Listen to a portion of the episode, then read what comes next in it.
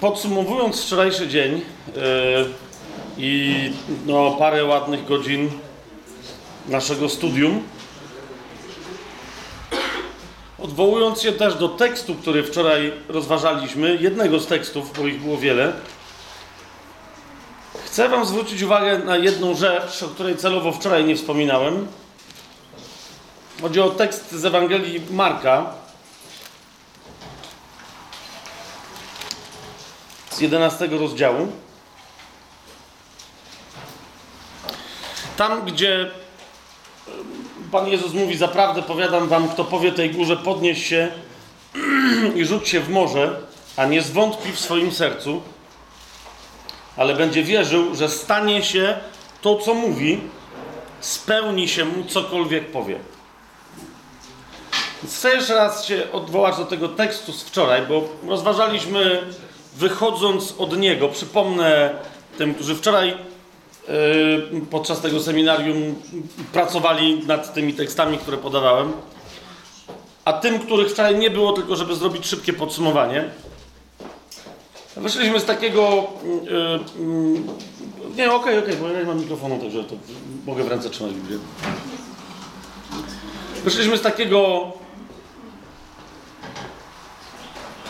założenia, które nam się narzuciło przez dyskusję nad tym, co w pewnym momencie parędziesiąt lat temu zaproponował ruch wiary. Ruch wiary skoncentrował się na wierze jako mocy, dzięki której możemy osiągać w życiu dobre rzeczy przez modlitwę.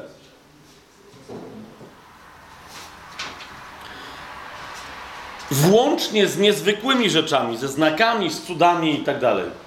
Teraz wczoraj zaznaczyłem, mam nadzieję, że odpowiednio wyraźnie, że nie chodzi mi o to, żeby dyskutować z ruchem wiary, tylko żebyśmy zwrócili uwagę na jedną rzecz, że ponieważ ruch wiary na coś zwrócił uwagę, wszyscy zwrócili tę uwagę również, zaczęli albo się zgadzać z ruchem wiary, albo nie zgadzać, ale niechcący zaczęli rozważać chociażby ten fragment z Ewangelii Marka, który właśnie zacytowałem, w kontekście czynienia znaków i cudów.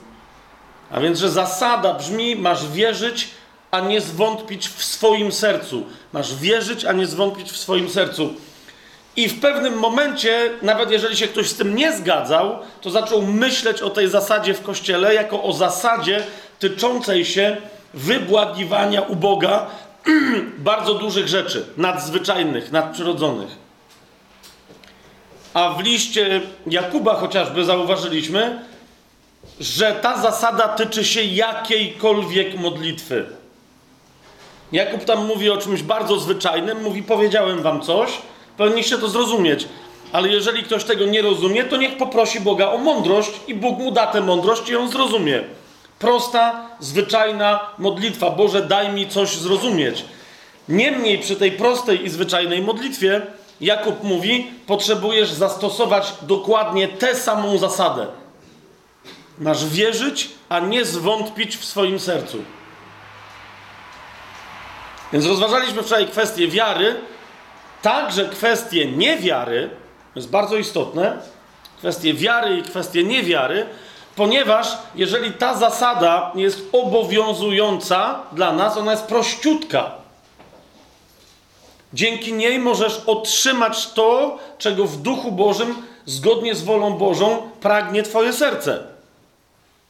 Hmm? Ale nieważne, czy to będzie rzecz, która wydaje ci się zwykła, czy niezwykła, malutka, czy ogromna, za każdym razem Pan mówi: proś z wiarą i nie wątp w swoim sercu. Jakub mówi, że jeżeli ktoś wątpi w swoim sercu, to jest człowiekiem, to jest po prostu, najprościej rzecz ujmując, hipokrytą. Jest człowiekiem o rozdwojonym umyśle jest jak fala morska, powiada Jakub, i ten wyraz on jest dla mnie dosyć znaczący, ponieważ on się pojawia w Nowym Testamencie jeszcze tylko w jednym miejscu. Bardzo to charakterystyczne. Jakub mówi, jest taki człowiek jest jak fala morska i naznacza te fale konkretnym wyrazem. Jest tylko jeszcze jeden opis w Biblii, który mówi o takiej fali. Wiecie, jaki to jest opis? Kiedy Jezus razem z uczniami płyną przez jezioro. Jezus śpi, a w y, łódź, którą płyną uczniowie razem z Jezusem, zaczynają uderzać fale. I wiele osób słusznie wskazuje, że ta burza ma charakter demoniczny. Dlatego, kiedy Jezus ją gromi, to ona natychmiast się uspokaja.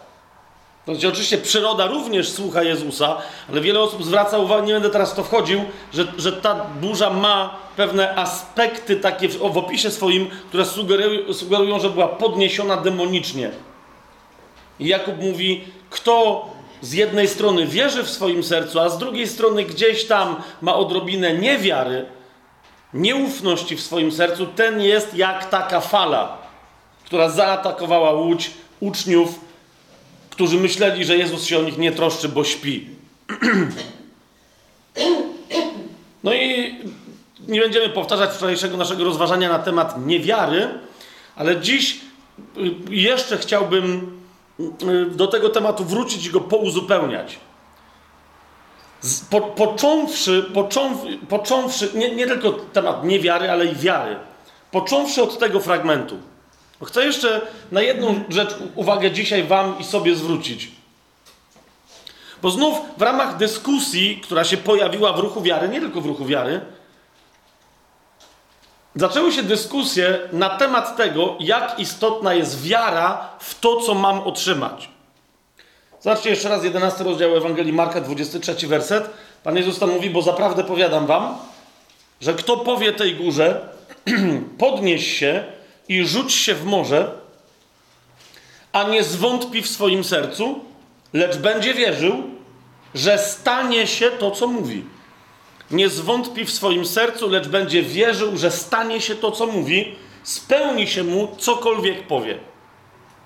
I teraz zaczęła się dyskusja, jak bardzo to jest istotne, żeby wierzyć dokładnie w to, co mówię Bogu, że się ma spełnić. To oczywiście otworzyło drzwi wpływom New Age'u, umówmy się, e, no bo co to znaczy wierzyć, a nie zwątpić, wierzyć, że stanie się to, co mówię. Pojawiły się koncepcje, że musisz mieć dokładną wizualizację tego, o co ci chodzi, i tak dalej, i tak dalej, i tak dalej. Otóż, kochani, żeby raz na zawsze uciąć y, nonsens troszeczkę tego typu dyskusji. Ok? Podam wam prostą zasadę i zaraz wam pokażę, jak ona jest ewidentna w Biblii i dlaczego trzeba czytać w kontekście. Otóż człowiek nie ma żadnego problemu, żeby wierzyć, iż spełni mu się to, o co prosi, kiedy ma właściwą relację z tym, kogo prosi ponieważ tylko ten, kogo wierzący prosi, jest gwarantem, że mu się stanie temu, kto prosi, to, o co prosi. Czy to jest jasne, co powiedziałem? I teraz, rozumiecie, yy, nie żebym ja teraz jakiegoś wielkiego odkrycia dokonywał czy czegoś, tylko po prostu czytam Biblię. Jeżeli ktoś mi cytuje 11 rozdział, 23 werset, to wyrywa z kontekstu to zdanie, ponieważ wypowiedź Pana Jezusa nie zaczyna się od zaprawdę powiadam wam, a często niektórzy tak cytują. 23 werset. Cytują, że Jezus powiedział: Zaprawdę powiadam wam, nieprawda. Jezus powiedział, ponieważ powiadam wam. Kochani, za każdym razem, kiedy mamy w Biblii werset, cokolwiek, cokolwiek, zdanie, nawet z dużej litery, jeżeli zaczyna się od słowa ponieważ, bo, stąd też, to się zawsze za, zapytaj, bo co? Stąd też, skąd też? O co chodzi? Gdzie jest początek tego zdania? A więc Jezus nie powiedział, zaprawdę powiadam wam, kto powie tej górze, ale Jezus powiedział, miejcie wiarę w Boga, bo zaprawdę powiadam wam i tak dalej. Czy, czy to jest jasne, co, co, co, o, o czym mówimy? To jest to. On mówi, miejcie wiarę w Boga. To jest fundament. I wtedy, kiedy macie wiarę w Boga, to zaprawdę powiadam wam, że się dzieje taka rzecz. Wtedy, do, wtedy miejcie tę wiarę, mając właściwą wiarę w tego Boga i nie wątpiąc w swoim sercu na jaki temat? Na Jego temat. Wówczas nie zwątpisz na temat tego, o co prosisz. To On jest gwarantem wypełnienia Twojej modlitwy, a nie Twoja wiara w coś, czego łakniesz i pragniesz. Jasne? Miejcie wiarę w Boga. Teraz druga rzecz. to będzie niezła historia. Ponieważ ym, ten 22 werset również w oryginale nie brzmi miejcie wiarę w Boga. On dokładnie w języku greckim znaczy ehetepistin theu. To znaczy miejcie wiarę Boga. To jest dokładnie jeden z tych wersetów. Teraz, ja wiem, że kiedy otworzycie sobie odpowiednio dobry słownik, oczywiście chrześcijański, greki koine, biblijnej, to znajdziecie tam takie zaznaczenie przy czasowniku pisteo, czyli, czyli wierzyć, albo przy rzeczowniku, raczej przy rzeczowniku pistis, czyli wiara, że ten rzeczownik z drugim rzeczownikiem w genetywie, którym jest Bóg, oznacza dosłownie wiara Boga, ale rzecz jasna należy to rozumieć jako wiarę w Boga. No to jest interesujące, gdyby istniała taka zasada gramatyczna, to w takim razie wiara w połączeniu z jakimkolwiek innym rzeczownikiem w genetywie również by oznaczała wiara w coś tam innego. We wszystkich innych przypadkach, niemniej, gramatyka wraca do normy i oznacza wiara czegoś tam lub kogoś tam.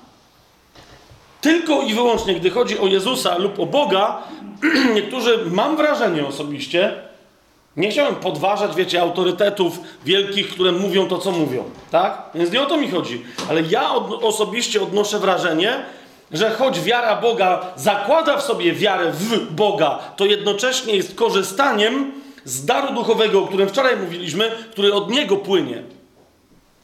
Ok? I naprawdę nie, nie, nie znalazłem odpowiednio przekonującego uzasadnienia wśród tych wszystkich znawców greki biblijnej, dlaczego należy koniecznie dokładać to w do tekstu, kiedy w greckim języku go nie ma. I, I, czemu akurat ten tekst należy w tym. Czy cza, rozumiecie? Po prostu mam takie, taką wątpliwość pewną w sercu, czy czasem ktoś tam nie boi się, że tekst biblijny mu złamie jakiś aspekt jego teologii. Wiecie o co mi chodzi? Więc ja też nie chcę tutaj jakoś naciskać, żeby to koniecznie tłumaczyć. Miejcie wiarę Boga. Niemniej, chociażby dla pewnego rodzaju wyzwania duchowego. Wyobraźmy sobie, że ten tekst mamy przetłumaczony w Biblii dosłownie jako miejcie wiarę Boga.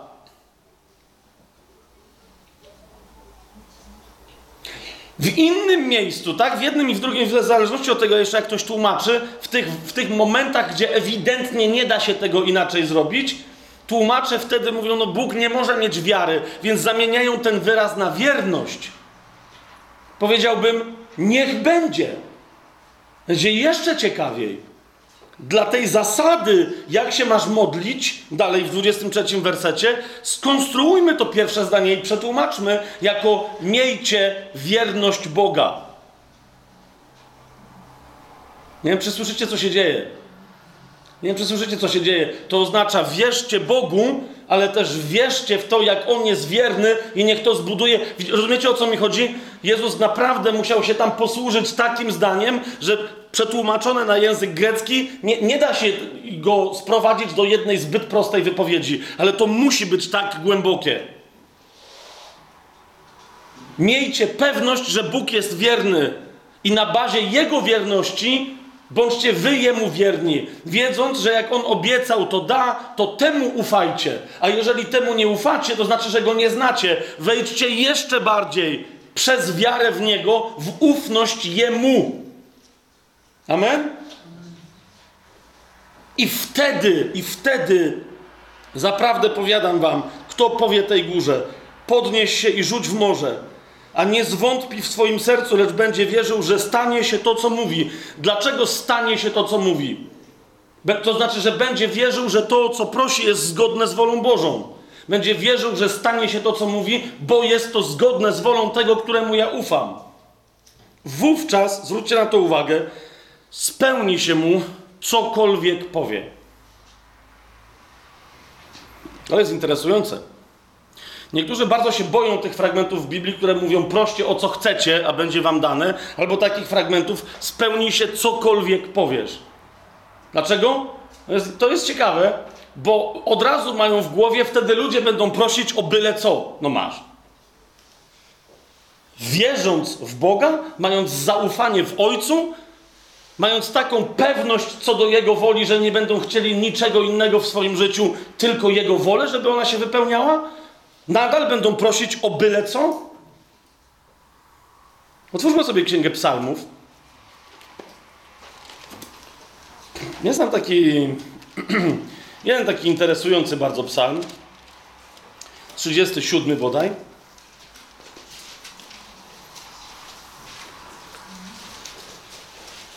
Świetnie znamy, przypuszczam, ten fragment, ale chciałbym go przypomnieć. Właśnie w kontekście tego, o czym rozmawiamy. Ktoś kiedyś, pamiętam, że mi podsunął, mówi: Zobacz, jak się nazywa ta taka pani yy, yy, afroamerykanka, yy, która prowadzi. Jak się nazywa? O, właśnie, właśnie, Ofra. Ofra, Opra, jakąś. No jakaś, ta, Winfrey. Okej. Okay. Otóż on, i ktoś mi mówi: Ty słuchaj, ona jest zwierząca, w ogóle taki czad.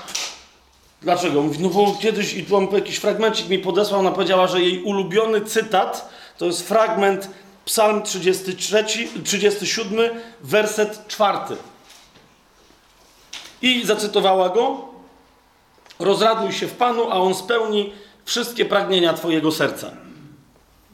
Tylko, że później na tej podstawie okazało się, że pani Opra zaczęła reklamować u siebie wszystkich głoszących tak zwane prawo przyciągania, zwane też sekretem. Ok? Więc y, jak to sprawdziłem sobie później temu człowiekowi, który mi podsyłał wieści o nawróceniu pani Opry, powiedziałem, że nie wiem, może ona się nawróciła, ale tego fragmentu no to nie zrozumiała. Ponieważ, jak wiele innych osób, także wierzących biblijnie, skoncentrowała się na tym, że ten fragment mówi, że Bóg spełni wszystkie pragnienia Twojego serca. Co najlepsze, niektórzy pamiętają ten fragment w taki sposób, że mają prawo prosić, żeby Bóg spełnił pragnienia ich serca, bo jak Bóg spełni pragnienia ich serca, to wtedy oni się rozradują w Panu. Jeszcze raz, zobaczcie. I no, niektórzy zresztą nawet może znają takich ludzi, którzy nawet jak mają ten tekst przed oczami, to tak myślą. Ale zobaczcie, jaką zasadę podaje ten tekst. Najpierw ten tekst mówi, najpierw rozraduj się w Panu. Y, UBG mówi, rozkoszuj się Jachwę. Rozkoszuj się. 37. Psalm 37, werset 4. Rozkoszuj się Jachwę. Chcesz, żeby spełniały się wszystkie pragnienia Twojego serca? Chcesz wejść to prawo, o którym Jezus mówi, nie żadne, żadne prawo sekretu, przyciągania innych new bzdur, w którym Pan Jezus mówi, proście o cokolwiek chcecie, a będzie Wam dane? Najpierw rozraduj się w Panu, rozkoszuj się swoim Bogiem. To znaczy wejdź w taką relację z Nim, że w zasadzie ona sama, ta relacja, będzie dla ciebie wystarczająca. Rozumiesz, co ona wtedy robi, ta relacja? Twoje serce nie tylko zbliża się do serca Ojca, ale Twoje serce wreszcie chowa się w sercu Ojca, a serce Ojca, które jest już schowane w Twoim sercu, zaczyna wypełniać Twoje serce, tak że one stają się jednym.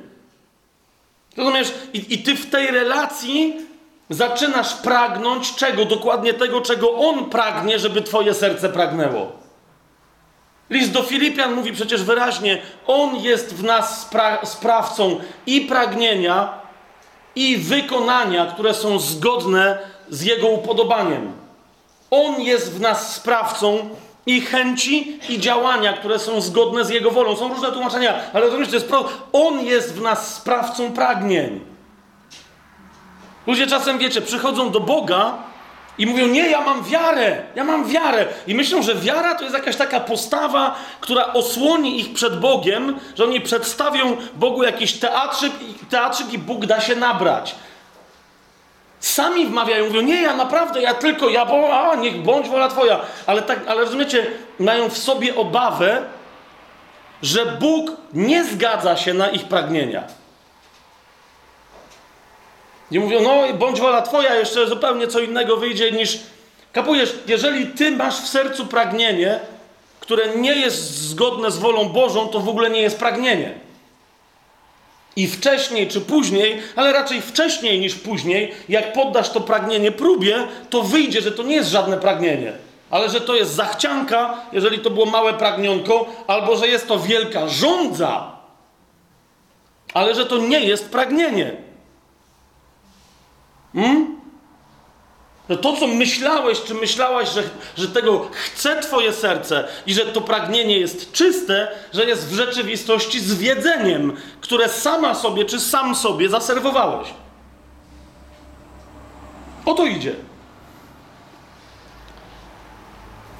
Niektórzy powiadają, no ale ja, widzisz, mądry prorok i apostoł, którego większość z Was zna, to nawet nie będę przywoływać jego nazwiska, bo go znacie powiada, nikt, nawet Bóg, nie może cię uwolnić od czegoś, co kocha Twoje serce. Od czegoś, do czego Twoje serce przylgnęło z miłością.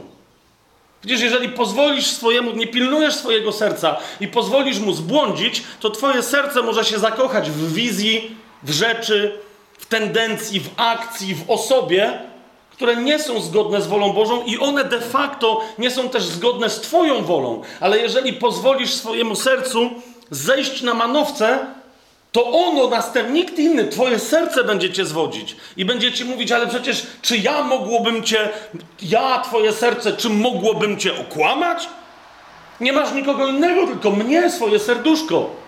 Niektórzy powiadają, no jak jeżeli mam nowe serce od Boga, to przecież ono mnie nie może, rozumiesz, Masz nowe serce i nowego ducha. Twoim nowym duchem zajmuje się Duch Święty, ale Twoje nowe serce nadal jest dla Ciebie dostrzeżenia.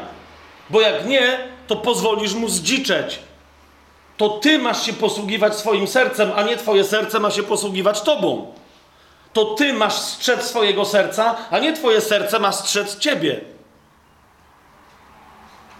Jeżeli pozwolisz swojemu sercu zejść na manowce, Twoje serce wmówi Ci, i będzie cię oszukiwać, że coś, co jest absolutnie często nawet grzesznym pragnieniem, jest czyste, a twoja głowa będzie tylko racjonalizować to, czego niezgodnie z wolą twoją autentyczną i wolą Bożą chce twoje serce.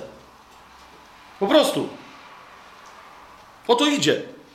O to i, i dlatego ten, ten, ta zasada z Psalmu 37, z czwartego wersetu jest tak istotna. Rozkoszuj się Jachwę, rozraduj się w Panu. A wtedy będziesz mieć serce, które, rozumiesz, w jego sercu się oczyści, wydoskonali, wybieli. I, będzie, i, I wtedy Twoje serce będzie dla Ciebie przewodnikiem. Twoje pytanie, Boże, czego Ty ode mnie chcesz, znajdzie odpowiedź, gdzie w Twoim sercu, w Twoim sercu podniesie się pragnienie. Bóg Ci powie, posłuchaj swojego serca. I Ty powiesz, no ja w swoim sercu chcę tego i tego. Bóg mówi, no właśnie, to jest moja wola. Bóg nie jest gwałcicielem, kochani. Bóg nie jest tyranem dla swoich dzieci. Bóg nie jest wrednym szefem dla tych, którzy nazwali sami siebie Jego sługami. Żeby im nieustannie łamać ich wolę i zmuszać ich do czegoś ponieważ Królestwo Boże nie jest z tego świata i nie wygląda tak jak władanie królestw w tym świecie. Amen? A więc jeszcze raz, zwróćcie uwagę, Pan Jezus mówi: Nie zwątp w swoim sercu. W innym miejscu Biblia nam mówi o sercu niewiary. Pamiętacie list do Hebrajczyków? Więc jeszcze raz, przetestuj dzisiaj swoje serce. Czy dziś Twoje serce jest absolutnie po Twojej stronie. Czy jesteś stuprocentowo pewny, czy jesteś stuprocentowo pewna swojego serca? Jeżeli nie, rozumiesz, to, to jest pierwsza rzecz, od której należy zacząć. Pomódl się o swoje serce. Po, poproś Ducha Świętego, żeby przyszedł i oczyścił Twoje serce. To jest nowe serce, ono łaknie służyć Bogu. Ono chce bić w zgodzie z rytmem Bożego serca. Tylko ty zechciej. I teraz tak, rzeczywiście, ta operacja cię zaboli. Ta operacja cię zaboli. Wyjdzie twoja pycha, wyjdą twoje pożądania, wyjdzie twoje bałwochwalstwo. Wyjdą twoje przywiązania kompletnie nieuporządkowane. Wyjdą twoje lęki. Serce, rozumiecie, jeżeli zdziczeje jest tak dziwne, że jest w stanie zakochać się w lękach. Są ludzie, których znam ostatnio, tak jak dzisiaj rano się modliliśmy o podniesienie tych, którzy w sercu wiedzą, że, że są gotowi i chcą służby, więc my często z tego rodzaju osobami rozmawiamy, modlimy się o to ich, o to ich podniesienie. Zobaczcie, co i róż pojawiają się ludzie, którzy myśleli, że niezwykle służą Panu, ponieważ wycofali się w jakiś absurdalny cień i nikt ani nic o nich nie wiedziało, włącznie z tym, że oni myśleli, że ta ich postawa oddaje chwałę Bogu, ale w ramach tej postawy, w tym cieniu, w którym się schronili, niczego nie robili. Ale myśleli, że na tym polega pokora. Po czym okazało się, że kiedy przyszedł Pan i osądził ich serce, ponieważ powiedzieli tak, niech mi Pan udowodni, że, jest, że to jest prawda, okazało się, że dla nich postawą pokory jest stanąć na świeczniku i poświęcić swoją egoistyczną pychę i troskę o siebie i o swoje dobre imię. W jaki sposób? Żeby dotrzeć do dziesięciu osób, które mogą być zbawione, pozwolić innym dziesięciu osobom, żeby zbrukali ich dobre imię. I teraz jak to do nich dotarło, mówią, oho, czy to może być zgodne z wolą Bożą? Pamiętam jednego człowieka, którego zapytałem, czy ty kochasz Jezusa? On mówi, absolutnie, chcę być tylko i wyłącznie taki jak On. Dla mnie to jest przykład bohatera, nie mam żadnego innego. Zapytałem go, w którym momencie Jezus choćby przez sekundę drżał o swoją reputację. Rozumiecie? I gość we łzach klęknął i, i przepraszał Pana. I mówi, oślepło moje serce. Rozumiecie? Natychmiast przyszedł Duch Święty i mu wyprostował to serce. Jak wstał, powiedział, głoszę. O to chodzi.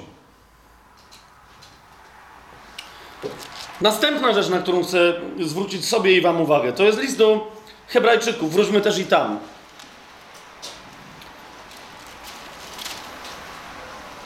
W trzecim rozdziale.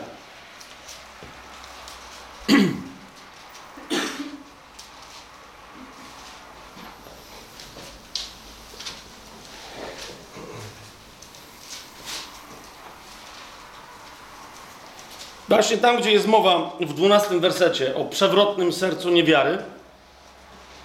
Uważajcie, bracia, woła Paweł w liście do Hebrajczyków, uważajcie, bracia, żeby nie było czasem w kimś z was przewrotnego serca niewiary, które by odstępowało od Boga żywego. Niewiara jest bardzo istotną przeszkodą. Niewiara jest osobną od wiary siłą, która przeciwstawia się wierze w nas. Więc on mówi: uważajcie, żeby w was nie było tego przewrotnego serca niewiary, które by odstępowało od Boga żywego. I dalej, kontynuując ten wątek, mówiąc o tym, czym jest owa niewiara, Paweł mówi tak. Podając przykład, ten, który wczoraj więcej rozważaliśmy, Izraela, który już miał wejść do ziemi obiecanej i się przestraszył fałszywych pogłosek. Zamiast zaufać Panu, właśnie kompletnie zaczęli powątpiewać wobec świadectwa Boga, wobec Jego obietnicy i Jego słowa, wobec Jego dowodów, cudownych znaków, które im objawiał, żeby potwierdzić swoją obietnicę, postanowili, że jednak część uwagi skoncentrują na słowach ludzi, którzy byli tchórzami. No i właśnie do tego, do tego momentu, odwołując się, Paweł mówi, że 16, 17, 18 werset tego trzeciego rozdziału. Mówi tak: Niektórzy bowiem, usłyszawszy, rozdrażnili Pana, ale nie wszyscy z tych, którzy wyszli z Egiptu pod wodzą Mojżesza. No tak, dwóch zwiadowców przeżyło. Tych dziesięciu tchórzy wkrótce po tym, jak wzbudzili strach w sercu Izraela, pomarli od plagi, jak mówi e, czwarta księga Mojżeszowa. Ale dwóch, Jozue i Kaleb, przeżyli. Ci, którzy posłuchali tych tchórzy, pomarli na pustyni, nie weszli do ziemi obiecanej, ale ich dzieci weszły. Nie tylko małe dzieci, ich dorosła e, część ich dzieci również dwudziestolatki. Ale dalej mówi Paweł. A na kogo gniewał się przez 40 lat Jachwę? Czy nie na tych, którzy zgrzeszyli, a których ciała legły na pustyni? No na tych. Oni zgrzeszyli niewiarą. I dalej. A którym przysiągł, że nie wejdą do jego odpoczynku, jeżeli nie tym, którzy byli nieposłuszni? I teraz dziewiętnasty werset, konkluzja. Widzimy więc, że nie mogli wejść z powodu niewiary. Zobaczcie, jaki znak równości stawia między niewiarą a nieposłuszeństwem Paweł w liście do Hebrajczyków. Którym przysiągł, że nie wejdą do jego odpoczynku, jeżeli nie tym, którzy byli nieposłuszni. Widzimy więc, że nie mogli wejść z powodu niewiary.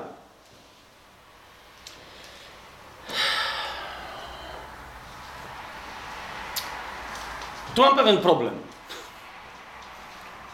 Bo ja, ja w ogóle nie lubię, wiecie, odwoływać się do tekstu greckiego. Tu by naprawdę bardzo wypadało, ale mam pewien problem, bo naprawdę nie wiem, jak to przetłumaczyć. Ponieważ y, tu w ogóle nie ma przymiotnika nieposłuszni. Tu jest, y, jeżeli, no, no w każdym razie, tu się pojawia słowo, które w ogóle nie oznacza nieposłuszeństwa, ale raczej niewierność, ale która wygląda jak nieposłuszeństwo. To jest bardzo skomplikowana, bardzo skomplikowana historia. Żebyście dobrze zrozumieli, co mówię, otwórzmy sobie Ewangelię Jana i tam wam coś pokażę. Otóż ten sam wyraz, który tutaj został oznaczony jako nieposłuszeństwo, w Ewangelii Jana na przykład, bo inaczej kontekst byłby dziwny, jest przetłumaczony tak. Najpierw zobaczcie Ewangelia Jana, trzeci rozdział. Osiemnasty werset. I tam się pojawia proste słowo wierzyć oraz słowo wierzyć w zaprzeczeniu, czyli nie wierzyć. To jest trzeci rozdział, osiemnasty werset. Pan Jezus mówi, że kto wierzy w Niego, czyli no w Niego, w Jezusa, w Syna Człowieczego, mówi, kto wierzy w Niego, nie będzie potępiony. Ale kto nie wierzy, już jest potępiony, bo nie uwierzył w imię jednorodzonego Syna Bożego. I to jest dokładnie tak, jak my mamy w języku polskim, tak? Kto wierzy, okej, okay. a kto nie wykonuje tej akcji, którą jest wierzenie, czyli nie wierzy, no ten sam siebie potępia. Okej. Okay. Ale teraz zobaczcie, co się dzieje na końcu Ewangelii Jana, e, na końcu tego trzeciego rozdziału Ewangelii Jana. Tam mamy wypowiedź Jana Chrzciciela. I Jan Chrzciciel wydaje się, że powtarza to samo, ale w języku greckim pojawia się inny wyraz. To jest 36 werset. Mianowicie Jan y, mówi tam, kto wierzy w Syna, ma życie wieczne. Ale kto nie wierzy Synowi, nie ujrzy życia, lecz gniew Boży pozostaje na nim. I tutaj pojawia się ten wyraz, który w liście do Hebrajczyków jest, przez, jest przetłumaczony jako byli nieposłuszni. Równie dobrze można przetłumaczyć, bo ty masz tam po grecku to teraz widzisz, tak? No właśnie, więc równie dobrze można by było ten fragment tu przetłumaczyć. Kto wierzy w syna, ma życie wieczne, kto zaś jest mu synowi nieposłuszny, nie ujrzy życia. Lecz gniew Boży spoczywa na nim. Rozumiecie o co chodzi? Tu, jest, tu chodzi o taki rodzaj niewiary, która nie jest niemożliwością wierzenia, bo na przykład ktoś nie został odpowiednio mocno przekonany. O tym mówi Pan Jezus. Kto wierzy, no to okej, okay. kto nie wierzy, no, no to dobrze, to jeszcze wciąż pozostaje pod potępieniem. Ten wyraz oznacza coś mocniejszego. Oznacza, że ktoś mógł uwierzyć i jego serce zostało przekonane, ale mimo tego nie chciał stać się wierzącą osobą, a więc de facto okazał nieposłuszeństwo prawdzie. Czy to jest jasne, co, czy jest jasne, co mówię? Teraz, dlaczego to jest istotne? Bo widzicie, tego typu postawa jest też możliwa dla człowieka, który uwierzył i przez wiarę został usprawiedliwiony i jest sprawiedliwością Bożą w Chrystusie. Ale w pewnym momencie zaczyna się narowić jak koń i nie działać według tej wiary, która go zbawiła. Okej, okay. te spojrzenia to, to, cieszę się, bo one są takie, okej, okay, dobrze, dobrze. Ewangelię Mateusza sobie otwórzmy i w tym kontekście przypomnijmy sobie znaną nam przecież bardzo dobrze przypowieść. Ewangelia Mateusza, 13 rozdział. Teraz pozwólcie, że powiem coś wstrząsającego, albo nie. Jeden z naszych premierów powiedział był swego czasu i dzisiaj już nikt nie pamięta, jaką opcję polityczną, zwłaszcza młodzi, nie pamiętają, jaką opcję polityczną reprezentował, ale jego przysłowie znają. Pan Leszek Miller powiedział: Mężczyzny nie poznaje się po tym, jak zaczyna, ale jak kończy. Niezależnie od tego, co miał na myśli, był bardzo blisko, jakbym go spotkał, to bym mu wtedy powiedział: Niedaleko jesteś od Królestwa Niebieskiego. Jeszcze nie wszedł, ale już jesteś niedaleko. Myślę, że to jest rzecz, którą my jako chrześcijanie powinniśmy sobie przypomnieć. Zwłaszcza kiedy słuchamy świadectwa kogoś, kto opowiada, jak się nawrócił 15 lat temu. Jak się ktoś nawrócił tydzień temu, to jest wciąż interesujące. Ale jak się nawrócił 15 lat temu, to niech powie, że się nawrócił 15 lat temu, jedno zdanie, i niech powie, co się dzieje teraz. Dlaczego? Bo wchodząc na drogę uświęcenia, na drogę wiary, przez pierwszy akt wiary, to wcale nie oznacza, że w pewnym momencie Twoje serce się nie znarowi i nie stanie się nieposłuszne. Znając prawdę, będzie postępować wbrew prawdzie. Pan Jezus powiedział taką przypowieść, która ma różne, y, z różnych kątów widzenia można spojrzeć na tę przypowieść i o różnych poziomach doświadczenia wiary, rozwoju życia chrześcijańskiego można na podstawie tej, tej, tej przypowieści opowiadać. Ale między innymi ta przypowieść mówi o tym, o czym ja teraz mówię. Wiele osób zaczyna tak samo, ale pytanie brzmi, czy dotarli do miejsca, po co za, które ich początek zaznaczyło. Czy za, zacząwszy, są na drodze, w ramach której skończą. Zauważcie świadectwo Pawła na temat jego nawrócenia. Trochę, tylko troszeczkę teraz przesadzę, ale tylko troszeczkę. Brzmi, i zgadnijcie teraz, bo to jest dobre, gdzie to jest napisane. Fantastyczna zasada życiowa. Paweł mówi: Ja w swoim życiu czynię tylko jedno. Zapominam o wszystkim, co za mną. Wzrok mam wbity w to, co przede mną w metę mojego powołania i nagrodę, która mnie tam czeka, i tam biegnę.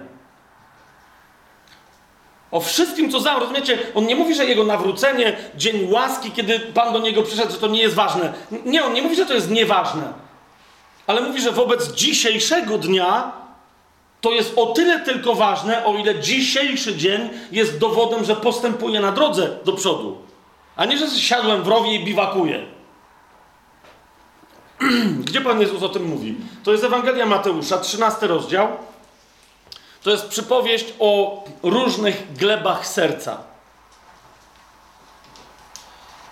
Jedna gleba serca to jest gleba serca człowieka, który się nie nawrócił, ale trzy pozostałe to są gleby serc ludzi zbawionych, usprawiedliwionych z łaski.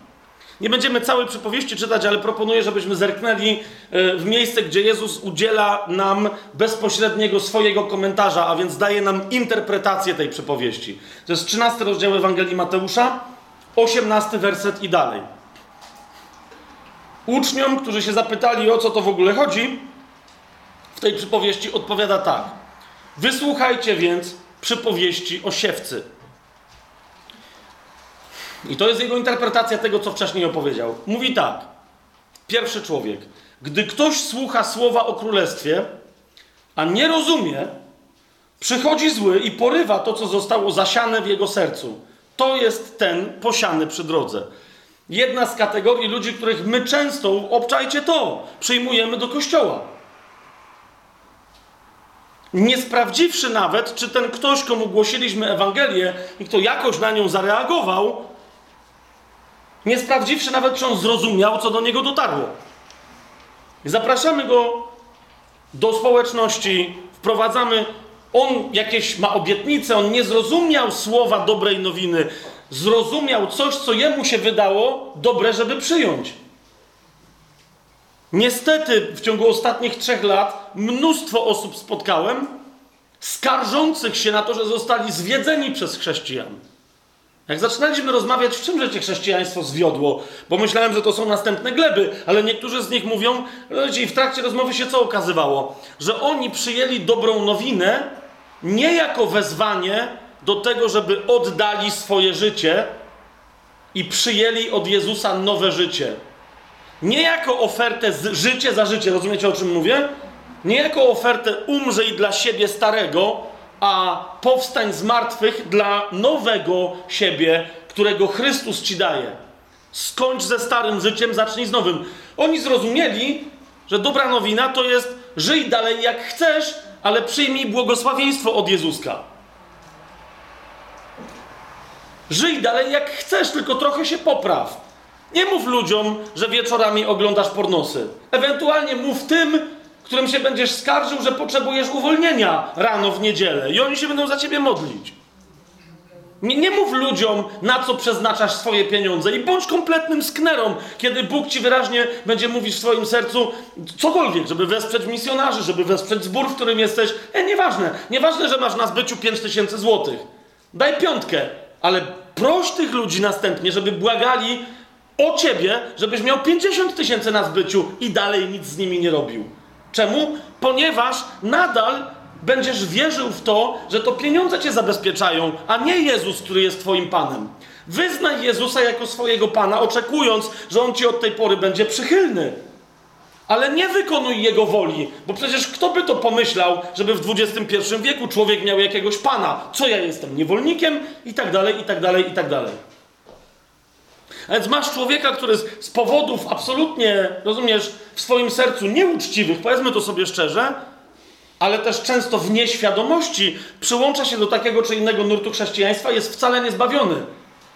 Bo niczego nie zrozumiał. Coś tam przyjął, ale trudno się dziwić, że kiedy przylatują ptaki przy pierwszej możliwej okazji, wydziobują mu słowo z jego serca i nagle po pięciu miesiącach, po dwóch latach Człowiek wraca do tego samego nałogu, do tego samego grzechu, wszystko wychodzi na jaw i on mówi, a dobra, to mam was gdzieś. I, i, i, I niektórzy zachodzą w głowę, cóż to się stało? Taki cudowny brat i tak odpłynął. Przyjacielu, on nawet nie przypłynął. Po prostu. Jak mu teraz głosić, skoro czy on odpadł od łaski, czy nie ukrzyżował w sobie Chrystusa na nowo, rozumiesz, się zastanów, czy on w ogóle był zbawiony.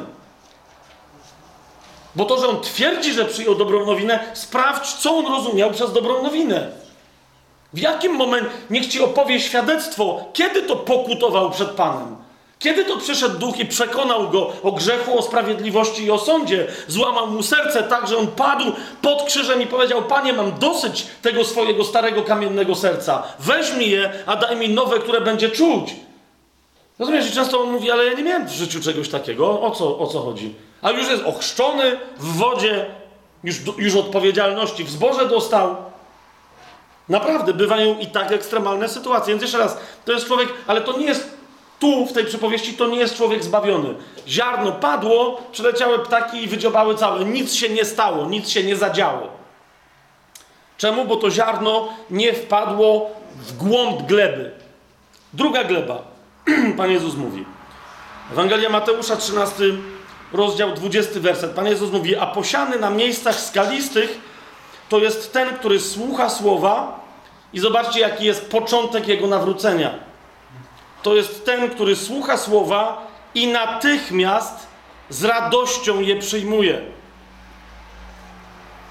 To jest to. Jest ewangelizacja.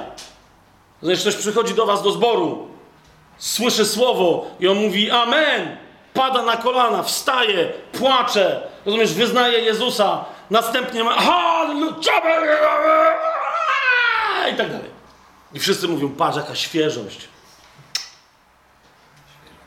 Teraz nie chodzi mi o to, żebyście takich ludzi tępili i mówili, słuchaj, Błaszkiewicz mówił, że to nie jest prawdziwe nawrócenie. Nie! Nie o to mi chodzi. Genialnie, jeżeli ludzie tak się nawracają. Genialnie. Tylko, że zrozum, że to jeszcze o niczym nie świadczy na za dwa lata. Rozumiesz? czemu potem ludzie do kogoś takiego, kto nagle w pewnym momencie przeżywa kryzys, przychodzi, już się nie cieszy, ma łezkę w oku, jest sceptycznie nastawiony po kazaniu i tak dalej. Czemu nagle ktoś przychodzi i mówi, hej, co się z tobą stało? Tak, jeszcze dowal mu poczuciem winy. Co się stało, już ci mówię. Pan Jezus wyjaśnia, że jeżeli ktoś taki pozwoli ziarnu słowa wpaść w swoje serce, ale nie zadba, żeby to słowo zapuściło korzeń, no to wtedy, 21 werset, nie ma w sobie korzenia i dlatego trwa tylko do czasu. Gdy bowiem przychodzi ucisk albo prześladowanie z powodu słowa, zaraz się gorszy. To jest zbawiony człowiek. Rozumiesz, ale nagle zaczyna się dziwić i mówi: Ej, ciężko mi w życiu się zrobiło. Dlaczego mi jest ciężko? Przecież było radośnie. Walka duchowa, ktoś mu mówi, on mówi, a jaka walka? Czy Pan Jezus nie wygrał już wszystkiego? No wygrał, ale chodzi o to, że ty, póki nie zmartwychwstaniesz, to chociażby ty, twój wewnętrzny człowiek, musi się zmagać z zewnętrznym. Rozumiesz, bo bojowaniem jest ten żywot. Ale to nie, to ja nie wiem, czy się na to pisałem. Ja myślałem, że wiesz, czemu Pan mnie opuścił? Myślałem, że będzie jazda. Ucisk, czyli trudność wewnętrzna albo prześladowanie z zewnątrz. Taki ktoś jest podekscytowany, doświadczył łaski i teraz myśli, że z tym podekscytowaniem poleci do całego świata i razem z nim cała ulica za chwilę będzie tańczyć. A tu zanim wyjdzie na ulicę, to w domu mu powiedzą, że jest głupi i się przyłączył do sekty. No i tyle. Po dwóch miesiącach się czuje, jakby był w MLM-ie, a nie jakby się nawrócił do Boga żywego. Bo wszyscy od niego stronią i mówią, że wiesz o co chodzi. Więc zaczyna się gorszyć. Jest skoncentrowany na radości, na cieszeniu się zewnętrznym, a nie na zapuszczaniu korzenia. Zauważ, dobrze zaczął. Dobrze zaczął. Niezapuszczanie korzenia to jest niezważanie na słowo. To jest wyznanie Jezusa jako Pana, ale potem nie pytanie się go, czego on ode mnie chce. 22 werset. Kolejna gleba. A posiany między ciernie to jest ten, który słucha słowa. Zauważcie, nie tylko pozwolił słowu wpaść w siebie i się ucieszył, a potem zaczął latać. To jest ktoś, kto powiedział: Jezus jest Panem i zaczął poznawać Jego słowo. Ale troski tego świata i ułuda bogactwa zagłuszają słowo, a człowiek ów staje się bezowocny. To jest religijny protestant. Nie obraźcie się na mnie, ale na tej sali nie ma ani jednej osoby, która nie byłaby skażona tego rodzaju religijnością. Ani jednej osoby, nawet jak się nawróciłaś przedwczoraj. Dlaczego? Bo ciało pamięta nasze poprzednie, sprzed nawrócenia, religijne zachowania. Ok? Oczekujemy, że ogień wierności Słowu będzie w nas podsycany z zewnątrz. A my pozwalamy się dekoncentrować i albo pozwalamy naszemu sercu, żeby uwierzyło w obietnicę chciwości, albo pozwalamy naszemu sercu, żeby się przestraszyło złych przepowiedni utraty na przyszłość. Jest prosta, rozumiecie, cały biznes. Jak swego czasu prowadziłem szkolenia negocjacyjne, sprzedażowe, wszystkiego tego typu historie. Wszystko w ludziach sprowadza się do tych dwóch mechanizmów Zwłaszcza w ludziach niezbawionych, ale co myślicie, zbawieni są, są bardziej odporni? Tylko niektórzy. To jest prosta rzecz. Oczywiście musisz odpowiednio rzecz zakamuflować, ale żeby ktoś coś od ciebie kupił albo zrobił to, co chcesz, żeby zrobił, potrzebujesz pokazać mu, że jeżeli nie zrobi tego, co mu każesz zrobić, to doświadczy sromotnej straty, ale że jeżeli zrobi to, co, my, co, to, co mu mówisz, to nie tylko uniknie tej straty, ale jeszcze osiągnie nieprawdopodobny zysk. Budzisz w nim natychmiast chciwość i ekstremalne pragnienie, żeby uniknąć porażki, która jest stratą. Tyle. I Pan Jezus mówi, to jest dokładnie, my się, my się w kółko, nie, nie, tu jestem, tu nie, tu, a na taki marketing to ja, ja reklam nie słucham. Non-stop pozwalamy swojemu sercu się wahać to w jedną, to w drugą stronę. I podejmujemy decyzję nie w zgodzie z wolą Bożą, ale albo pod wpływem lęku, że jak coś zrobimy, to stracimy, albo pod wpływem złudnego wrażenia, że a niewiele to będzie kosztować, a wiele zyskam. Daj spokój. Kiedy pełnisz wolę Bożą, nigdy, nigdy noga ci się nie powinie i nie doznasz straty, zawsze będziesz zwycięskim, chociaż niekoniecznie w zgodzie z Twoim rozumieniem zysku lub straty. Czy to jest jasne? Ale widzisz, tu cały czas jest mowa o wierności. Znasz prawdę, ale jak często znając prawdę, tak czy siak zaczynasz sobie racjonalizować, że ty wiesz lepiej niż ta prawda. O, o, o, o, powiem. Nie wiedziałem, zacząłem, nie wiedziałem czy powiedzieć, ale powiem. Pojedźmy hardcorem, jak, mówię, kiedyś mówili młodzi, bo teraz nie wiem, czy dalej tak mówią. Pojedźmy hardcorem. Zaraz tu wrócimy do tej Ewangelii Mateusza, do 13 rozdziału, ale cofnijmy się w Ewangelii Mateusza do rozdziału 6. 25 werset. Na przykład, kto z nas na tej sali nie zna tej prawdy? A wiecie, e, piękne kazanie mówię o wierności, o, o glebie. Czwarta gleba, wszyscy wiedzą, do czego zmierzamy. Któż by chciał być pierwszą, to nie ma, ale któż by chciał być drugą czy trzecią, nie? No to już ci mówię. Trzecia gleba na przykład nie czyta tego słowa, które teraz ja przeczytam, a jak czyta, zaczyna się tłumaczyć, że. Szósty rozdział. 25 werset. Dlatego mu i dalej. Dlatego mówię wam, nie troszczcie się o wasze życie co będziecie jeść, albo co będziecie pić, ani o wasze ciało, w co się będziecie ubierać. Czyż życie nie jest czymś więcej niż pokarma, ciało niż ubranie? Spójrzcie na ptaki nieba, że nie sieją, ani nie żną, ani nie zbierają do spichlerzy, a jednak wasz Ojciec Niebieski je żywi. Czy wy nie jesteście znacznie bardziej cenni niż one?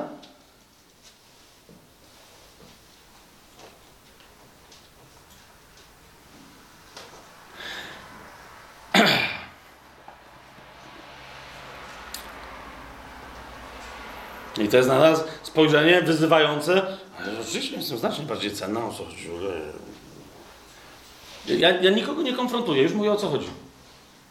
Moja żona ma taką tablicę w salonu kuchni naszej, na której między innymi ma różne cytaty, różne rzeczy, które mają przypominać coś tam jej, mnie i tak. Jeden z tych cytatów brzmi: Pokaż mi, na co wydajesz swoje pieniądze i jak spędzasz swój czas. A powiem ci, o co ci chodzi w Twoim sercu. Proste. Ile czasu poświęcasz na ile pieniędzy, które następnie przeznaczasz na ubranie i na jedzenie? W porównaniu z innymi wydatkami. Teraz nie chodzi mi o odpowiedź, no to na litość boską, no to Raz, rozumiesz, niektórzy mówią, no to ale mi ledwo starcza na to jedzenie i na to, i na to ubranie. Mi ledwo starcza. A jeszcze dzieci, a jeszcze dajże spokój. Człowiek, ja to wszystko rozumiem. Ale kapujesz, czy nie jesteście o wiele cenniejsi niż te ptaki niebieskie? Pyta Słowo Boże. A, a może właśnie dlatego, że nie chcemy zaufać temu słowu, może właśnie dlatego tyle czasu musimy poświęcać na zarabianie, na jedzenie i na ubranie siebie i swoich bliskich, bo nie pozwalamy Ojcu nas żywić i ubierać. Wiecie o co mi chodzi? Znaczy, co dalej Pan mówi? Kto z Was, martwiąc się, może dodać do swojego wzrostu jeden łokieć? To jest dokładnie to, o czym Pan Jezus mówi. Myślicie, że jak, że jak powiecie, no dobra, Bóg Bogiem, ale nie wiadomo, i sami się zaczniecie martwić o te rzeczy, to coś wielkiego wycudujecie? A o ubranie dlaczego się troszczycie? Przypatrzcie się liliom polnym, jak rosną. Nie pracują, ani nie przędą. A mówię wam, że nawet Salomon w całej swojej chwale nie był tak dobrze ubrany, jak jedna z nich. Jeżeli więc trawę polną, która dzisiaj jest, a jutro zostanie wrzucona do pieca, Bóg tak ubiera, czyż nie tym bardziej was, ludzie małej wiary? Widzicie, co się dzieje? Gdzie jest niewiara? Z całym szacunkiem, z wyjątkiem mnie na tej sali, chrześcijanie zasadniczo są słabo poubierani. Taki żarcik poszedł. Taki żarcik poszedł. Śmieszny nawet. Wczoraj mnie jeden brat zrugał, mówił, u baptystów to żeś jakoś mógł koszulę założyć i garnitur, a u nas w podkoszulku. Jest potem jeszcze koncepcja, co kto rozumie przez dobre ubranie, tak? I stosowne do okoliczności. Zobaczcie, co jest dalej, 31 werset. Odpowiedź Pana Jezusa na te wszystkie jego pytania retoryczne brzmi: Nie troszczcie się więc, mówiąc, co będziemy jeść, albo co będziemy pić, albo w co się ubierzemy. Bo o to wszystko poganie zabiegają.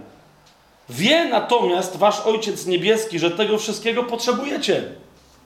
Zatem Wy szukajcie przede wszystkim Królestwa Bożego i Jego sprawiedliwości, a wszystko inne będzie Wam dodane do tego poszukiwania. Taka jest myśl. Dlatego nie troszczcie się o dzień jutrzejszy, gdyż dzień jutrzejszy sam się zatroszczy o siebie. Dosyć ma dzisiejszy dzień swojego utrapienia. I teraz jeszcze raz, kochani, ja nie po to mówię, żeby kogoś obciążyć teraz poczuciem winy, że coś. Tylko zobaczcie, przeczytałem tekst. To jest tekst, którym się. To, to, nie, że ja mówię kazanie, a teraz każdy się będzie konfrontował. Natomiast konfrontacja na temat tego, jaką glebę stanowi moje serce, to jest konfrontacja ze Słowem. Ale Bożym, a nie ze Słowem kaznodziei. Więc to jest na przykład takie słowo. I teraz rozumiesz, odpowiedz sobie, ale uczciwie, nie w rozmowie z drugą osobą, uczciwie sobie, nawet nie w rozmowie z Bogiem, za chwilę potem do Boga pójdź. I powiedz mu, jak to rzeczywiście jest.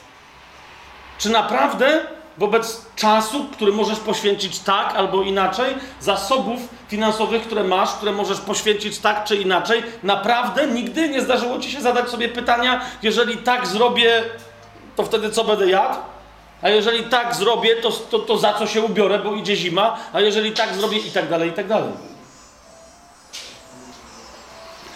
A więc, i, tu, i tutaj mamy dopiero czwartą glebę, to jest 23 werset, wróćmy do 13 rozdziału, to jest 13 rozdział, 23 werset. A posiany na dobrej ziemi to jest ten, który słucha słowa cały czas i rozumie je. Nie tylko zrozumiał na początku, ale rozumie to słowo cały czas. Konfrontuje się z tym słowem, sprawdza, czy jest w nim serce niewiary, czy też czy ufa temu słowu. Znowu, nie jakiemuś swojemu płytkiemu rozumieniu, ale czy ufa temu słowu tak, jak je dobrze zrozumiał. Okay? I wtedy posiany na dobrej ziemi to jest ten, który słucha słowa i rozumie to słowo on też wydaje plon. Jeden stokrotny, inny sześćdziesięciokrotny, a jeszcze inny trzydziestokrotny. Rozumiesz? Wchodząc na drogę, nasze oczy mają być skierowane na owoc. Nasza myśl ma być skierowana ku plonom. Hmm? Jeżeli jest skierowana tylko i wyłącznie tam, Choćbym szedł ciemną doliną, zła się nie ulęknę, bo Ty jesteś ze mną. Cokolwiek, cokolwiek we mnie konfrontowane przez Słowo nie zgadza się ze Słowem, jest sercem niewiary. I teraz niekoniecznie od razu musisz się go pozbyć, niekoniecznie od razu je wyrugujesz, ale przynajmniej wiedz, że masz problem, a nie udawaj i nie zakopuj go i nie rozumiesz, nie zamiataj pod dywan. Bo problem będzie wtedy tylko narastać. I na sam koniec, kochani, bo czas byłby już kończyć, chcę jeszcze Wam zwrócić uwagę na jedną rzecz. Bo mówiliśmy o niewierze. W pierwszym do Koryntian znajdziecie w odwołaniu się do Starego Testamentu też parę przykładów tego, czym jest, yy, parę przykładów tego, czym jest niewiara. A, ale jednak chciałbym zakończyć pozytywnie w odniesieniu do tego wszystkiego, co dzisiaj, co dzisiaj mówiliśmy. Kochani, jeżeli chrześcijanin żyje życiem, w ramach którego nie może codziennie zaświadczyć o tym, że Bóg wysłuchuje jego modlitw, to naprawdę potrzebuje fundamentalnego nawrócenia. w ostatnich godzinach swojej wolności tutaj na ziemi, Pan Jezus postanowił powiedzieć najważniejsze rzeczy, jakie chce w ramach swojego testamentu dla nas zostawić. Stawił nam całe nauczanie, mamy Biblię, ale w tej Biblii jedną, jedną z, w, w Nowym Testamencie jedną z najważniejszych wypowiedzi Jezusa, zgodzicie się ze mną, są jego wypowiedzi z ostatniej wieczerzy. Zwłaszcza ta szeroki, ten szeroki zapis, prawie że nagranie momentami, wiecie, magnetofonowe z mikrofonu z Ewangelii Jana od 14 do 17 włącznie rozdziału. Więc jak sobie otworzycie Ewangelię Jana, 14 rozdział, na co chcę zwrócić uwagę? Jeżeli ktoś z Was pamięta, o czym tam Pan Jezus mówi, jednym z bardzo ważnych tematów, które porusza, jest y, osoba Ducha Świętego. I obietnica, że On przyjdzie i co będzie robił, kiedy przyjdzie. Cały czas podczas ostatniej wieczerzy Jezus mówi o Duchu Świętym. Amen? Mnóstwo opowiada o Ojcu i kończy całą swoją wypowiedź. Przestaje w ogóle mówić do swoich uczniów i zaczyna mówić tylko i wyłącznie do Ojca. Tak, że oni są tego świadkami i zapisują Jego modlitwę arcykapłańską. 17 rozdział. Więc jest parę takich wątków, ale rozumiecie, jednym z najgrubszych wątków, żeby nie powiedzieć, że w ogóle osią tej jego wypowiedzi, jest przypominanie cztery razy. Kapujecie, to jest ostatnia wieczerza. Jezus ma grube tematy. Osoba Ducha Świętego, Ojciec i że On może przyjść w Duchu Świętym razem z Ojcem i zamieszkiwać w nas i tak dalej. Rozumiesz? I jednak Pan Jezus uważa, że czterokrotnie musi nam przypomnieć, że mamy prosić o cokolwiek chcemy, a będzie nam to dane, i że jest to jeden z ważnych elementów Jego woli i Jego testamentu, tak istotnych, że pod koniec swojego życia mówi jeszcze cztery razy Wam to muszę powtórzyć. Zobaczcie razem ze mną. Ewangelia Jana, 14 rozdział. Tam się zaczyna ta, ta, ta mowa Pana Jezusa, rozmowy z uczniami przy ostatniej wieczerzy. Od słów niech się nie trwoży wasze serce, wierzycie w Boga, wierzcie i we mnie. Okej, okay, wszystko gra, ale zaraz w 14 rozdziale Pan Jezus dociera do momentu, który sobie przeczytajmy. To jest 14 rozdział, 12 werset i dalej. Pan Jezus mówi tak. Amen, amen, powiadam wam, kto wierzy we mnie, dzieł, których ja dokonuję, i on będzie dokonywał, i większych od tych dokona, bo ja odchodzę do mojego Ojca. A o cokolwiek będziecie prosić w moje imię, to uczynię, aby Ojciec był uwielbiony w Synu. Siostro i bracie, masz osobiste, uroczyste zapewnienie od Pana Jezusa, podwójne amen. My mamy tłumaczenie zwykle w języku polskim zaprawdę, zaprawdę, ale to jest nic w porównaniu z oryginałem. Znaczy nie ma bardziej uroczystego, pewnego, niezłomnego zapewnienia jak Boże amen. Jak Pan Jezus mówi dwa razy amen i nawet w oryginale greckim się pojawia również słowo amen, nie żadne zaprawdę. Jezus mówi amen, Amen. Powiadam wam, kto wierzy we mnie, wiara, to jest ten temat, który poruszaliśmy, dzieł, których ja dokonuję i on będzie dokonywać, i większych od tych dokona, bo ja odchodzę do mojego ojca. Już odszedł, siedzi po prawicy ojca. My mamy tę rzeczywistość, którą wtedy tylko zapowiadał. I co mówi? A o cokolwiek będziecie prosić w moje imię. Zwróćcie uwagę, o cokolwiek będziecie prosić w moje imię. To jest bardzo ważne zaznaczenie. To uczynię, Jezus ci uroczyście zapewnia że On osobiście odpowiada na Twoje modlitwy, czyniąc to, o co Go prosisz w Jego imię. Otóż On mówi, co, o cokolwiek będziecie prosić w moje imię, to uczynię, po co? Aby Ojciec był uwielbiony w Synu. Mam do Ciebie proste pytanie. Jak wygląda Twoje serce, kiedy zadam to pytanie? Czy chcesz, żeby dzisiaj w Twoim życiu dzięki temu, co powiesz swoimi ustami i co się stanie faktem w historii Twojego życia, czy chcesz, żeby ojciec był uwielbiony w synu? Jedna osoba chce. Nie, no czy chcesz, żeby ojciec był uwielbiony w synu? No to mam amen na to? Amen. W takim razie wiesz, co musisz zrobić? Prosić o cokolwiek w imię Jezusa Chrystusa i to dostać. Wtedy ojciec będzie uwielbiony w synu. Rozumiesz, o co mi idzie? To nie jest łaska, którą Pan Jezus nam dał i mówi, no jak czasem macie jakieś potrzeby, rozumiesz, codziennie. Pamiętam, że kiedyś w, w, ramach nauczania o tych czterech momentach yy, w czasie ostatniej wieczerzy Pana Jezusa, kiedy wspomina o tym, ktoś tam do mnie potem przyszedł i mówi, wiesz co, mówi, ale no codziennie? No to ja nie mam tyle potrzeb. Słyszycie to? Mówię, chłopie, ty słyszysz, co, co właśnie zaświadczyłeś na temat swojego serca? A Jezus mówi, proście o cokolwiek chcecie, a ty musisz chcieć dla siebie? Się spytaj swojej siostry, się spytaj swojego brata. Nawiasem mówiąc, między nami tutaj, potajemnie, się nie nagrywa teraz. Żartuję. Myślę, że niektórym z nas wiele by pomogło, gdyby sobie po powiedzieli w sercu, zgodzili się na to, a potem tą zgodę przedstawili ojcu. Uważajcie na to, na taką propozycję. Weź sobie tydzień urlopu od swoich pragnień, od swoich potrzeb. Powiedz, mu, powiedz ojcze, ojcze, od dzisiaj codziennie będę się chodzić, pytać braci, dzwonić, spotykać i pytać, jaką masz potrzebę. Od dzisiaj przez tydzień będę się modlić tylko i wyłącznie w potrzebach moich braci i sióstr. Dlatego, tata, proszę cię, wejrze, nie? Ty wiesz.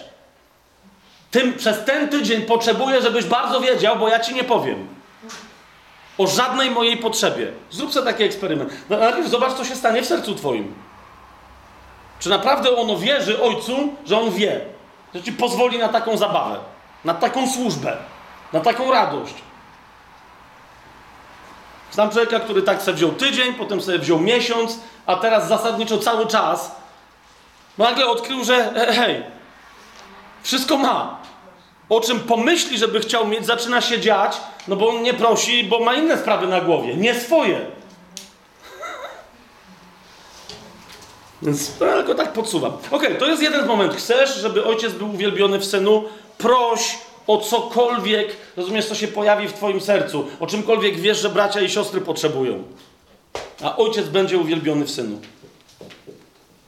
Drugi moment, to jest Ewangelia Jana 15 rozdział. Szósty i siódmy werset. Pan Jezus tam mówi tak. Jeżeli ktoś nie trwa we mnie, zostanie wyrzucony precz jak latorośl i uschnie. Takie to się tylko zbiera i wrzuca do ognia i płoną. Jeżeli będziecie trwać we mnie, zwróćcie uwagę, jaka jest prosta zasada. Jeżeli będziecie trwać we mnie i moje słowa będą trwać w was, proście o cokolwiek chcecie, a spełni się wam. Tyle. Do, tego, do tej pierwszej swojej wypowiedzi Pan Jezus dodaje: Niech tylko moje słowa w Was trwają. To niech konfrontują Wasze serce. Jeżeli się skończy konfrontacja, serce Twoje będzie zgodne z sercem Ojca i po prostu poproś o cokolwiek chcesz i ciesz się tym, jak szybko się wypełni to, o co prosisz. Ja nawet nie będę dalej komentował tego, bo myślę, że to jest dosyć proste. Tylko widzicie, jak wiele osób wyrywa z kontekstu i mówi proście o cokolwiek chcecie, siódmy werset, gdy tymczasem siódmy werset brzmi, jeżeli będziecie trwać we mnie i moje słowa będą trwać w was. Proście wtedy o cokolwiek chcecie, a się wam stanie. W tym samym 15 rozdziale, zauważcie, Pan Jezus powiedział jeszcze raz tą samą rzecz w znowu nieco inny sposób. To jest 15 rozdział Ewangelii Jana, 16 werset. Kolejny werset, który jest niecałkowicie cytowany. Był taki czas, pamiętam, w, w kościele rzymskokatolickim tak było, w 90 latach, że co się nie pojawiłem na jakimś spotkaniu odnowy charyzmatycznej, ale rozumiecie, to tak trwało chyba ze 2-3 lata. A bywało, że, że, że, że, byłem na dwóch, a nawet trzech spotkaniach codziennie różnych wspólnot odnowy charyzmatycznej. Rozumiecie? I w pewnym momencie zaczęło mnie trafiać, bo zawsze we wszystkich tych miejscach ktoś miał jako proroctwo ten cytat. Nie wy mnie wybraliście, ale ja was wybrałem i przeznaczyłem, abyście szli i wydali owoc, i aby owoc wasz trwał. I zazwyczaj, jak ktoś cytował ten fragment, to tu dawał kropkę. Ja wtedy przychodziłem i mówiłem, to było fałszywe proroctwo do takiej osoby. Dlaczego? No bo rozumiesz, no nie wyrywa się słowa z kontekstu. Na pewno Duch Święty by tak nie zrobił. Ja uważam, ile jest nauczania na temat przynoszenia owocu i tak dalej. Dlaczego się powołałem na glebę, która przynosi owoc? Bo zauważ, jak brzmi całe to zdanie. I naprawdę zauważ całe to zdanie, że to jest jedno zdanie. Nie wy mnie wybraliście, ale ja was wybrałem. Kto komu zrobił łaskę? Kto komu dalej robi łaskę? Ja was wybrałem i przeznaczyłem, abyście wyszli i wydali owoc, i żeby owoc wasz był trwały, i aby ojciec dał wam to, o cokolwiek poprosicie go w moje imię.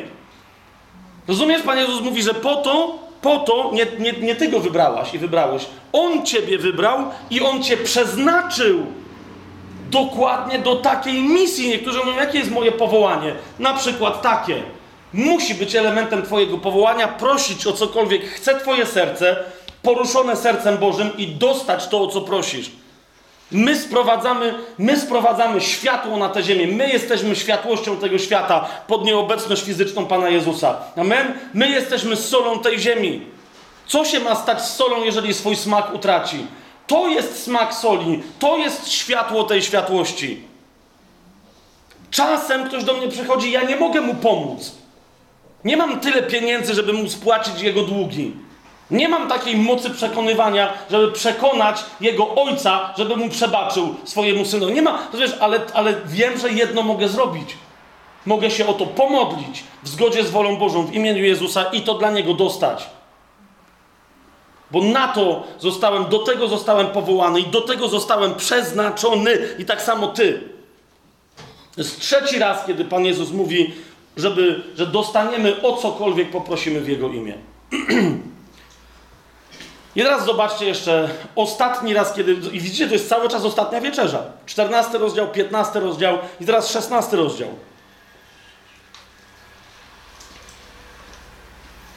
Pan Jezus mówi o swoim zmartwychwstaniu. Mówi, że inni się będą cieszyć, wy będziecie płakać. To jest 22 werset i 23. Mówi, wy teraz się smucicie, ale znowu was zobaczę i wasze serce, wasze serce będzie się radowało. A wtedy już nikt nie odbierze wam waszej radości. A tego dnia nie będziecie też mnie już o nic pytać. Amen, amen. Kolejny raz, zauważcie. Amen, amen. Powiadam wam, o cokolwiek poprosicie Ojca w moje imię, dawam. I do tej pory trwał Stary Testament. Mówi, dotąd o nic nie prosiliście w moje imię. Proście, a otrzymacie. Po co? Aby wasza radość była pełna. Pan Jezus powiedział: Ja przyszedłem, żeby owce miały życie i żeby miały je w obfitości. W innym miejscu powiedział: Wszystkie te słowa, które wam powiedziałem, powiedziałem wam, żeby moja radość w was była i żeby wasza radość była pełna. Pamiętacie? I tu on do tej radości jeszcze raz wraca i mówi: Proście, a otrzymacie, aby wasza radość była pełna. Wolą Ojca jest, żeby Twoja radość była pełna. Wolą Jezusa jest, żeby Twoja radość była pełna. Jeszcze raz Ci mówię: usuń z siebie ten aspekt serca, jakim jest niewiara. Usuń, że ten kamień z buta, jakim jest nieufność wobec Ojca. Nawet jeżeli usuwanie kamienia z buta cię zaboli, za chwilę poczujesz ulgę. Za chwilę rozraduje się Twoje serce i wypełni Cię pokój, bo Twoje serce zacznie bić w zgodzie z sercem Ojca. Zaczniesz wypełniać wolę Jezusa, którą On cały czas objawiał. Do końca swoich dni powtarzał: To jest moja wola dla Was. Wtedy zaczniesz prosić o cokolwiek, tylko będzie chciało poprosić Twoje zgodne z sercem Ojca serce i dostaniesz wszystko, o co to serce poprosi, ponieważ Ojciec chce wysłuchiwać naszych próśb. Amen.